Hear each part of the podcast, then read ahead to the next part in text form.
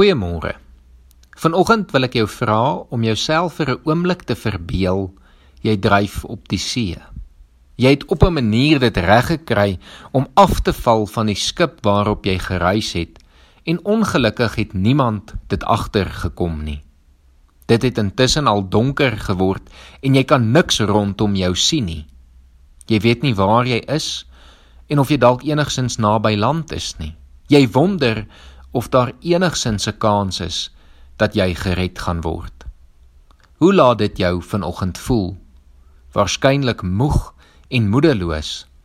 Dit is presies hoe die manskappe van die skip Adramatium gevoel het. 'n Skip waar Paulus as gevangene gevaar het op pad na Rome.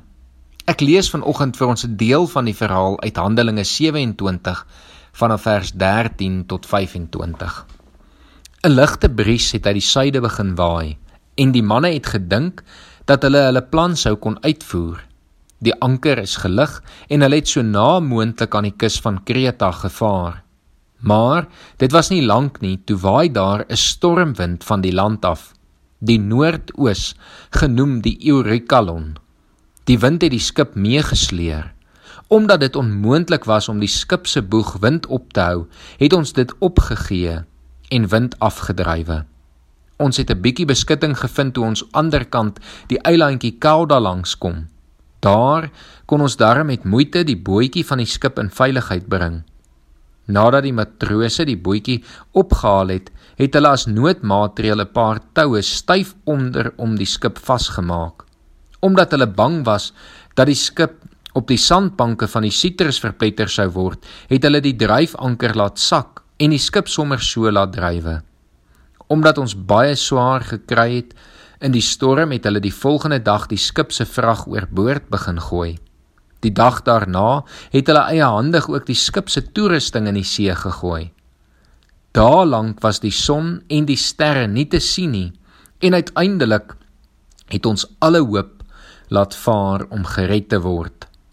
Nadat hulle 'n lang tyd nie meer geëet het nie, het Paulus tussen hulle gaan staan en gesê: "Manne, julle moes na my geluister het en nie van Kreta af weggevaar het nie. Dan sou ons hierdie ramp en skade vrygespring het.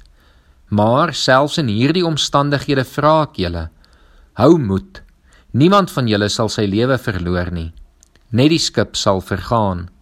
Verlede nag het daar 'n engel aan my verskyn van die God aan wie ek behoort en wat ek dien. Die engel het vir my gesê: Moenie bang wees nie, Paulus.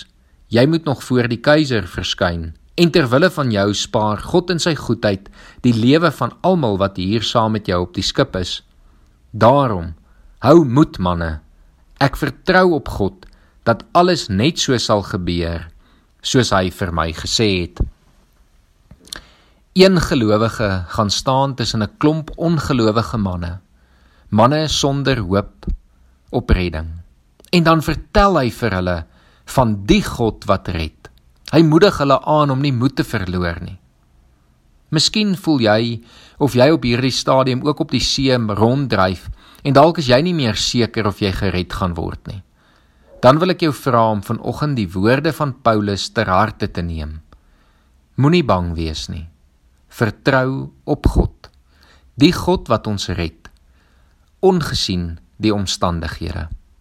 Onthou, ons hoop lê nie in hierdie wêreld nie, maar in God wat ons reeds deur Christus gered het. En daarom kan ons vertrou dat wat ook al vir ons voorlê, ook in sy hande sal wees en dat hy by ons sal wees. Kom ons bid saam. Here, dankie vir hierdie storie van hoop van 'n hele manskap wat gered word omdat daar een gelowige was wat hoop gebring het wat vertel het van u u die God wat red. Here dankie dat dit vir ons ook nuwe hoop in ons harte kan gee. Here ons kom vra vanoggend dat u ons sal help om ook hierdie hoop met die wêreld te deel dat ons soos Paulus sal opstaan in hierdie moeilike omstandighede en sal vertel van u dat ons hoop en ons vertroue in u lê Here. U die God wat ons al reeds gered het. Ons loof U daarvoor in Jesus Christus se naam. Amen.